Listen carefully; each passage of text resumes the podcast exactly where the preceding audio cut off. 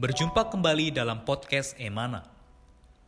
Renungan-renungan yang menguatkan iman ini diambil dari tulisan-tulisan saudara Watchmeni, seorang pelayan Tuhan yang sangat mengasihi Tuhan sampai akhir hidupnya. Semasa hidupnya, Tuhan memakai saudara Watchmeni untuk menyingkapkan banyak terang dan wahyu Alkitab. Di antaranya adalah mengenai salib, mengenai Kristus sebagai hayat, juga mengenai kesatuan tubuh Kristus. Kami berharap kehadiran podcast Renungan Emana, khususnya di masa pandemi virus hari ini, dapat menghibur dan menguatkan iman Anda. Podcast Renungan Emana dapat Anda dengarkan melalui aplikasi Emana dan Spotify. Anda dapat menghubungi kami pada nomor hotline Emana di 0851 5677 2397. Sekali lagi Anda dapat menghubungi kami pada nomor hotline Emana di 0851 5677 2397. Buku-buku saudara Watchmeni secara lengkap dapat Anda peroleh di toko buku Yasmerin, Tokopedia, Google Playbook, atau di website resmi yasmerin.com. Selamat menikmati seri renungan hari ini. Puji Tuhan, saudara-saudari, berjumpa kembali di dalam program pelayanan podcast Emana. Men, sukacita bisa melayani bisa menyampaikan firman Tuhan kepada saudara-saudari. Saya juga sekaligus menyapa saudara Henry yang bergabung bersama kita. Selamat bergabung saudara Henry. Puji Tuhan. Amin. Puji Tuhan saudara Steve. Haleluya. Bagaimana kabarnya saudara Henry? Puji Tuhan, saya baik-baik, sehat-sehat sukacita. Haleluya. Amin. Haleluya. Puji Tuhan. Saudara Amin. nanti akan bersekutu dengan kita mengenai topik pembahasan kita hari ini. Dan puji Tuhan, saudara-saudari, minggu ini kita membahas satu topik yang penting, satu topik yang sangat berkaitan dengan penghidupan rohani kita, yang juga akan membantu kita untuk terus maju di dalam menuntut kita akan Kristus. Saudara-saudari, minggu ini kita membahas satu topik, yaitu mengenai menyanyi. Ya, judulnya adalah menyanyi yang diambil dari buku pembinaan dasar yang ditulis oleh saudara Watchmeni. Nah, saudara-saudari, seperti kita tahu bahwa Allah kita itu adalah Allah yang memiliki perasaan yang halus dan lembut. Saudara-saudari, karena itu Allah juga menghendaki supaya anak-anaknya memiliki perasaan yang halus dan lembut seperti Dia.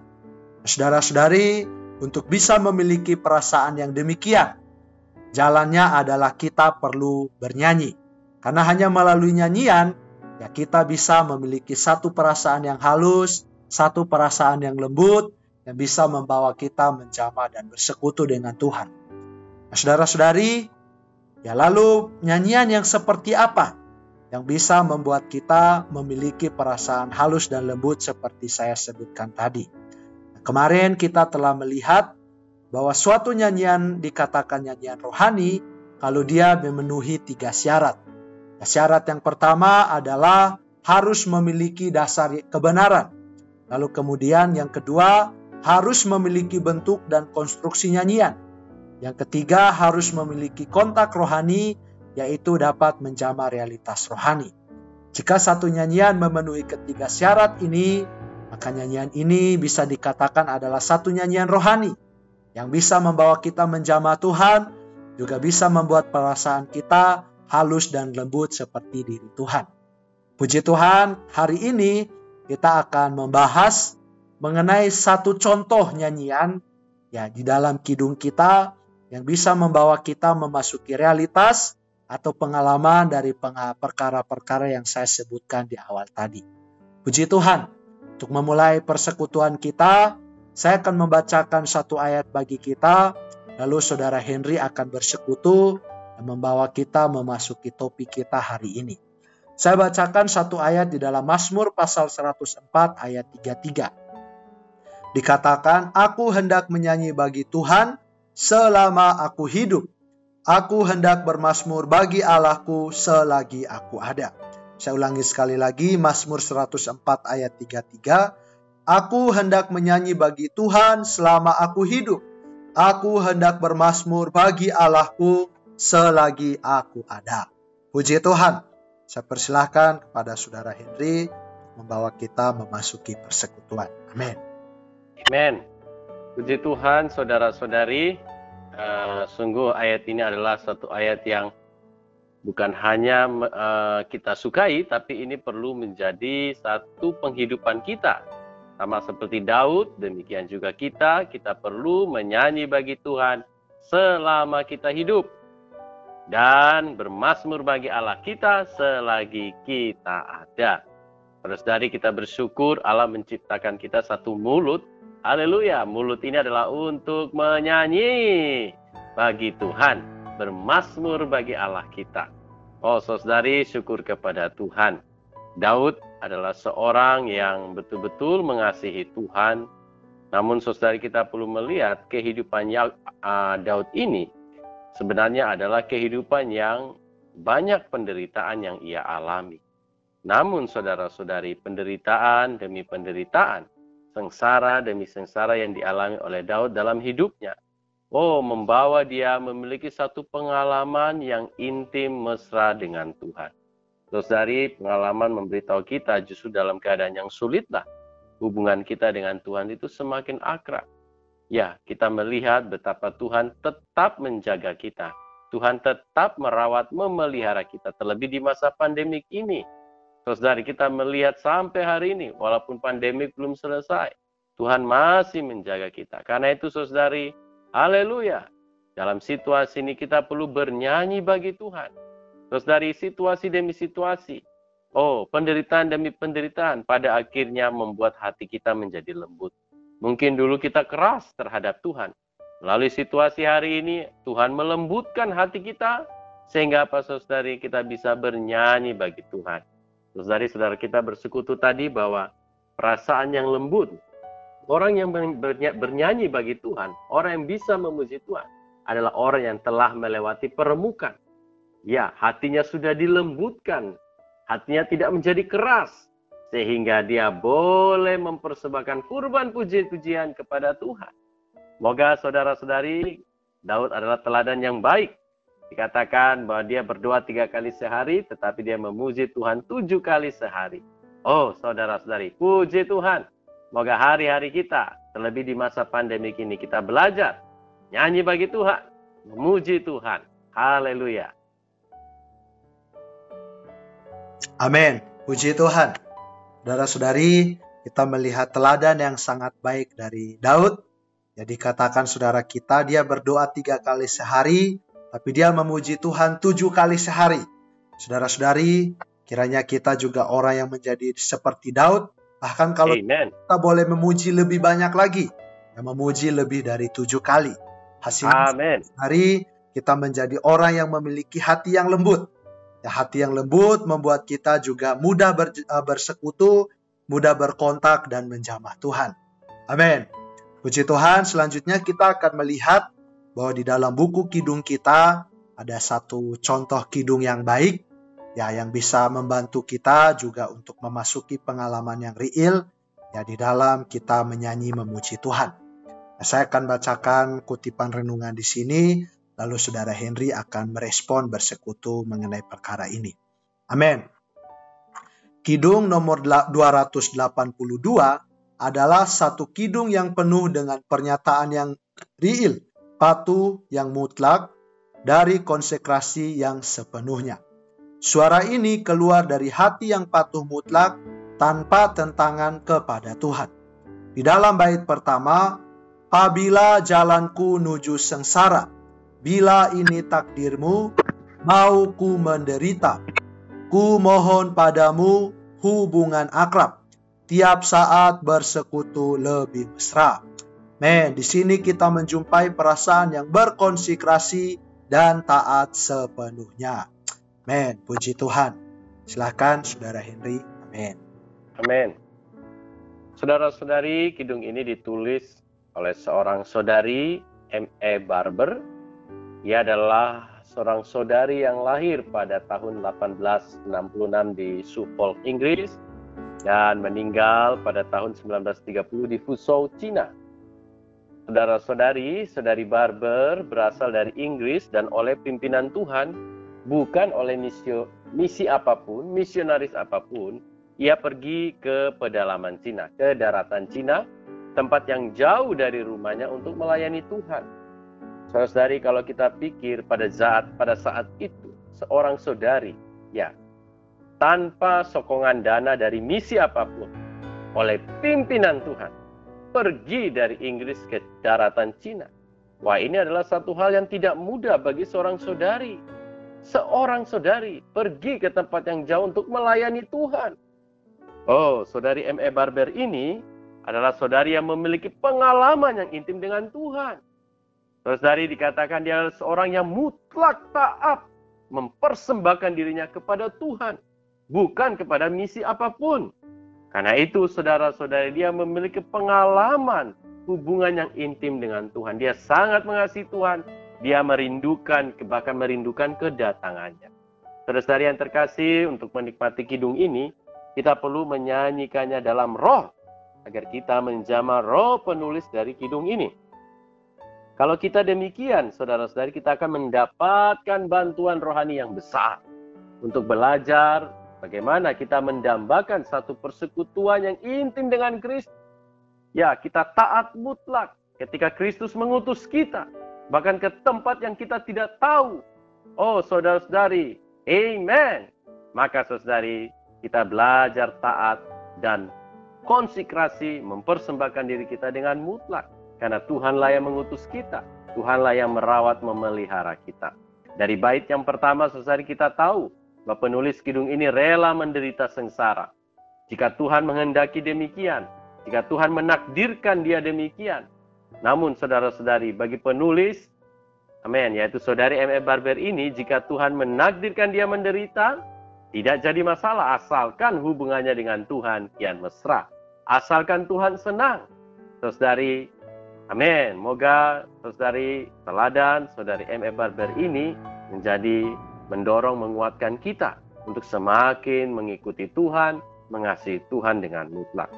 Saudari M.E. Barber ini tahu resiko yang dihadapinya ketika mengikuti pimpinan Tuhan untuk pergi ke daratan Cina tanpa sokongan dana atau dukungan dari manusia, dari misi apa pun. Saudara-saudari, namun Tuhan memimpin dia hidup oleh iman, tidak bersandar pada manusia. Oh, saudari ini belajar rela dan taat, sekalipun jalan yang ia tempuh penuh derita dan sengsara. Amin. Amin. Puji Tuhan. Sungguh satu syair kidung yang sangat baik. Ya, dari kidung ini kita bisa melihat roh dari penulisnya, ya dia adalah orang yang berkonsekrasi dengan mutlak, ya dia adalah orang yang taat kepada Tuhan. Ya tadi saudara kita membawa kita melihat, ya dia adalah orang yang mengikuti pimpinan Tuhan dengan mutlak, walaupun mungkin secara alamiah tidak ada sokongan, tidak ada jaminan apa pun, tapi Amen. belajar taat, dia belajar mutlak ikut pimpinan Tuhan. Men, semoga kita juga bisa terdorong, ya terinspirasi oleh kidung ini menjadi orang-orang yang mutlak mengikuti Tuhan. Amin. Saya lanjutkan akan kutipan renungan ini bagi kita. Selanjutnya di dalam bait kedua, perasaan dari bait ini lebih meningkat lagi. Dia menimbang-nimbang serta berdoa di depan Allah, kalau milik kesenangan dunia makin dikurangi, maka mohonlah kiranya surga ditambahi bukan minta terlepas atau diubah, melainkan makin lama makin banyak bersekutu. Biar hatiku luka, roh tetap memuja. Di sini kita menemukan seseorang yang mempunyai kemampuan membedakan antara hati dan roh. Hati boleh terluka tetapi roh memuja. Hati boleh merana, roh tetap segar di hadapan Allah. Ia mengenal perbedaan antara hati dan roh. Ia tidak menuntut kenikmatan hati, melainkan kompensasi roh. Dia mulai menanjak ke atas, bahkan lebih menanjak pula. Kalimat pertamanya, susut senang dunia, dan kalimat kelimanya, mesra manis dunia. Kedua-duanya dirangkaikan dengan dunia, sehingga semakin terasa syairnya. Mesra manis dunia olehmu lepas, agar kau denganku erat kian mesra. Ia tidak menerima begitu saja. Ia bukan sekadar menghindari, malahan menuntut persekutuan yang lebih sedap dan mesra.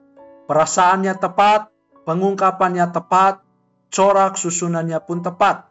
Alangkah indah dan manis. Puji Tuhan. Amin. Silakan Amin. Henry boleh melanjutkan. Amin. Amin. Saudara-saudari, kalau saudari M.E. Barber, seorang saudari yang mengasihi dunia, tidak mungkin ia mau pergi ke pedalaman Cina yang terpencil. Permintaan Tuhan akan dirinya jelas, yaitu dia harus pergi ke pedalaman Cina tanpa bantuan manusia atau sokongan dana misi apa pun. Penulis dari kidung ini rela kehilangan senang dunia, rela kehilangan manisnya dunia, karena Tuhan lebih mesra Tuhan lebih manis dari segalanya. Oh, saudara-saudari, walaupun dalam hatinya ia terluka, tetapi di dalam roh ia tetap memuji Tuhan, mengejar Tuhan, menuntut persekutuan yang lebih dalam dan intim dengan Tuhan. Oh, mungkin dia mungkin seorang saudari pergi ke pedalaman Cina. Bagaimana dengan hidupnya di sana? Hari-harinya di sana kemungkinan dia tidak mendapatkan jodoh dan sebagainya masa depannya bagaimana tidak jelas. Namun saudara-saudari, haleluya, meskipun hatinya terluka, rohnya tetap memuji Tuhan. Dia hidup demi iman. Demikianlah saudara-saudari, maka dia menjadi orang yang tidak lagi bersandar ke manusia. Dia sepenuhnya mutlak bergantung pada Allah.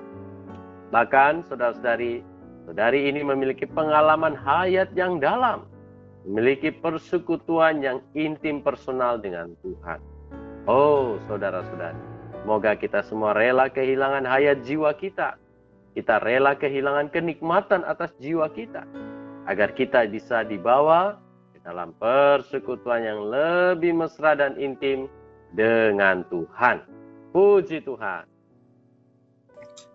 Amin. Puji Tuhan.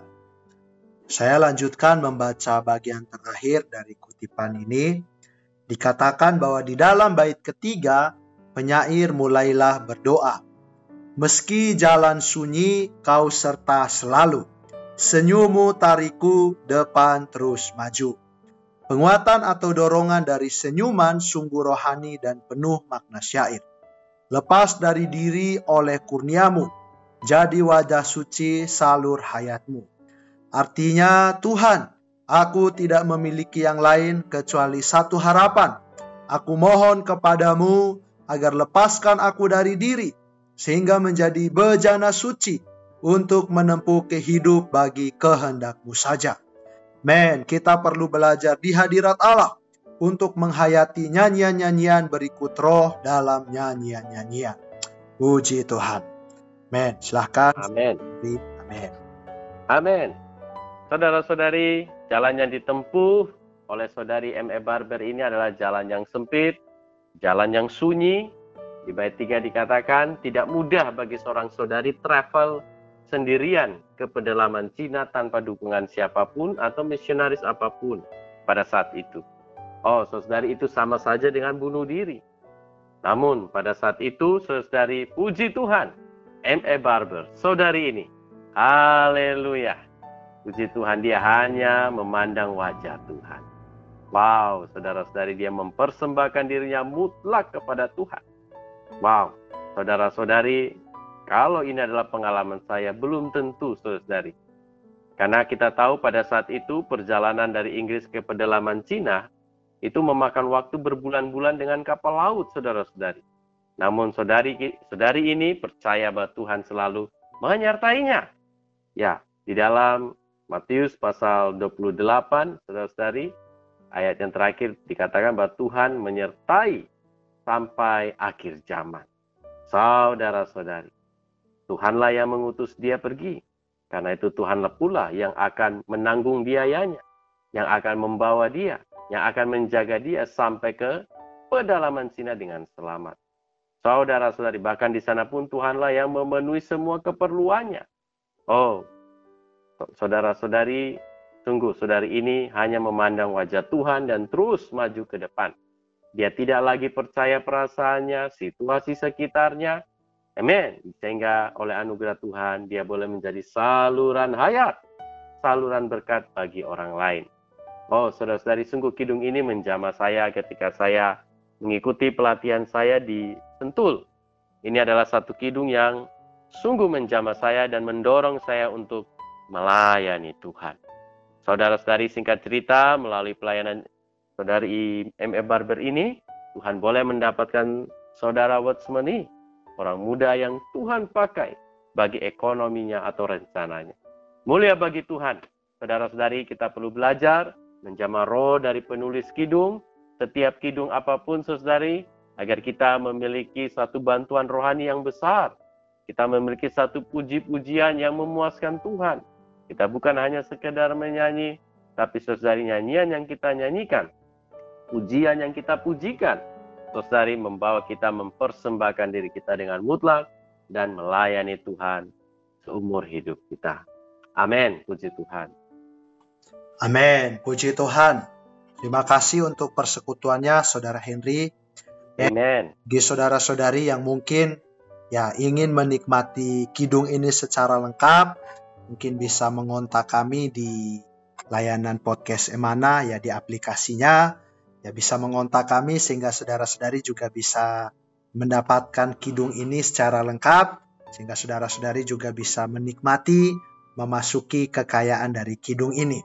Nah, saudara-saudari, sebagai perkataan kesimpulan, ya dari pembahasan kita hari ini kita boleh melihat bahwa ya menyanyi bukan sekedar ya satu pengutaraan yang di mulut atau mungkin menghasilkan nada-nada tertentu, tetapi dalam perkara nyanyian rohani, maka kita juga perlu menjamah roh dari penulis nyanyian tersebut.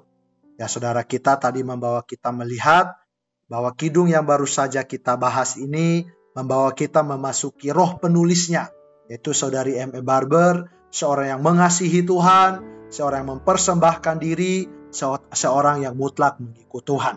Amin. Jadi jika kita menempuh satu penghidupan menyanyi yang demikian, ya bukan sekedar menyanyikan tetapi juga menjamah roh penulisnya, maka kita yakin bahwa kita juga bisa dibawa yang menjamah satu perasaan yang halus dan lembut dari diri Tuhan sendiri. Kita bahwa orang-orang yang menulis nyanyian-nyanyian ini adalah orang-orang yang menjamah dan mendapatkan Tuhan. Mereka memiliki perasaan yang lembut dan halus. Sehingga kalau kita bisa memasuki roh nyanyiannya, puji Tuhan, kita juga Amen. memiliki roh yang sama. Men, saya minta dalam kasih Saudara Henry boleh menutup persekutuan kita di dalam doa. Amin. Amin. Mari saudara-saudariku yang terkasih, kita berdoa. Amin. Tuhan terima kasih padamu melalui nyanyian kami boleh belajar memiliki perasaan yang lembut di hadapanmu seperti perasaanmu Tuhan. Amin. Tuhan terima kasih atas setiap kidung yang ada di tengah-tengah kami. Amin. Kami belajar Tuhan berkidung menjama roh dari penulis kidungnya. Amin. Kami beroleh faedah rohani, bantuan rohani, kami boleh memiliki satu persembahan diri, memiliki perasaan yang halus untuk mengikuti Tuhan, mengajar dan menuntut persekutuan yang mesra dengan Tuhan. Amin. Oh Tuhan Yesus, terima kasih Tuhan. Nah doa kami, di dalam namamu kami telah berdoa. Amin. Amin. Amin. Terima kasih Saudara Henry untuk persekutuannya. Semoga Amin. bisa bergabung lagi menyuplaikan firman Tuhan kepada kita semua. Men, kami juga mengucapkan terima kasih untuk saudara-saudari yang mendengarkan podcast ini. Semoga firman Tuhan menyuplai dan menyegarkan kita. Puji Tuhan, Tuhan memberkati kita semua. Amin. Sekian podcast Renungan Emana hari ini. Kami akan kembali pada seri berikutnya. Anugerah dari Tuhan Yesus Kristus dan kasih Allah dan persekutuan Roh Kudus menyertai kita semua.